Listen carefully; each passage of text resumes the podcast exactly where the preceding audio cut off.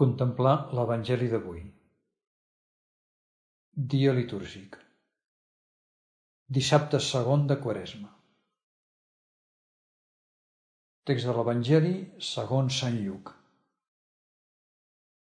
En aquell temps, veient que tots els cobradors d'impostos i els altres pecadors s'acostaven a Jesús per escoltar-lo, els fariseus i els mestres de la llei murmuraven i deien aquest home acull els pecadors i menja amb ells.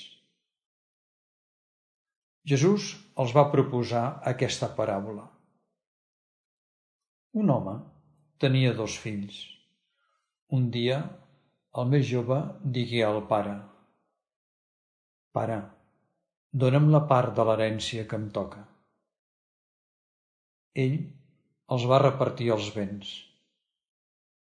Al cap d'uns quants dies, el més jove va vendre's tot el que tenia i se'n va anar amb els diners en un país llunyà. Un cop allí, dilapidà la seva fortuna portant una vida dissoluta. Quan s'ho hagué malgastat tot, vingué una gran fam en aquell país i començà a passar necessitat. Llavors es va llogar un propietari d'aquell país que l'envià als seus camps a pasturar porcs.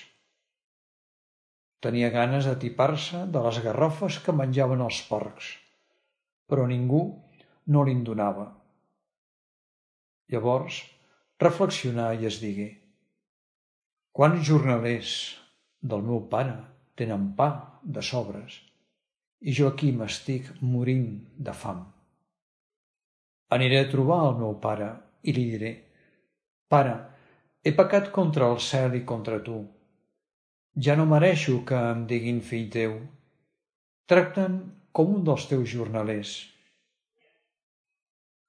I se n'anà a trobar el seu pare. Encara era lluny que el seu pare el veié i es commogué. Corregué a tirar-se-li al coll i al besar. El fill li digué, Pare, he pecat contra el cel i contra tu. Ja no mereixo que em diguin fill teu. Però el pare digui als seus criats. De pressa, porteu el vestit millor i poseu-li. Poseu-li també l'anell i les sandàlies.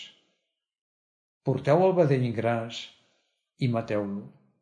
Mengem i celebrem-ho, perquè aquest fill meu era mort i ha tornat a la vida estava perdut i l'hem retrobat. I es posaren a celebrar-ho. Mentrestant, el fill gran era al camp.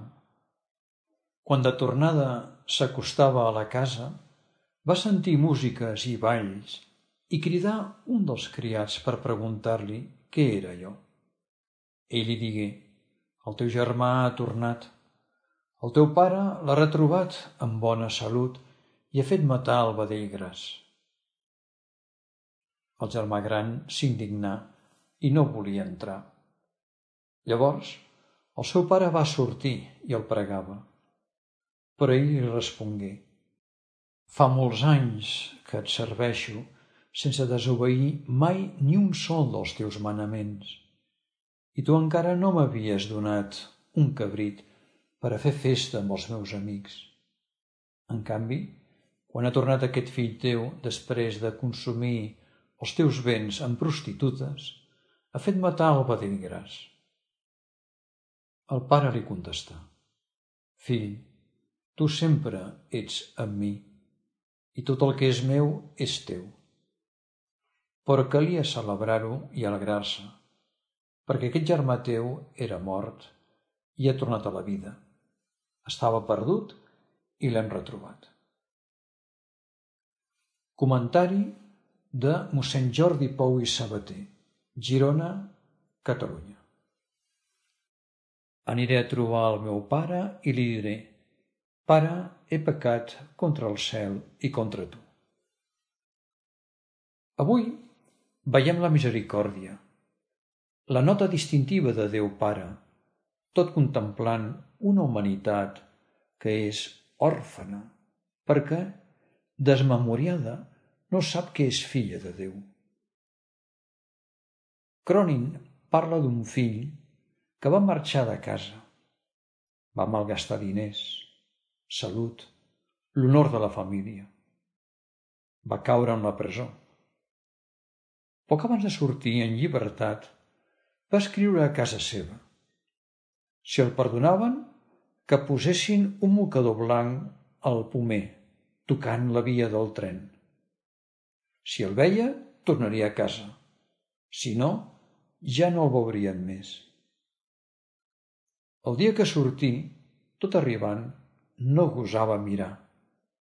Hi hauria mocador? Obre els ulls, mira, li diu un company. I va restar bocabadat. Al pomer no hi havia un sol mocador blanc, sinó centenars. Estava ple de mocadors blancs.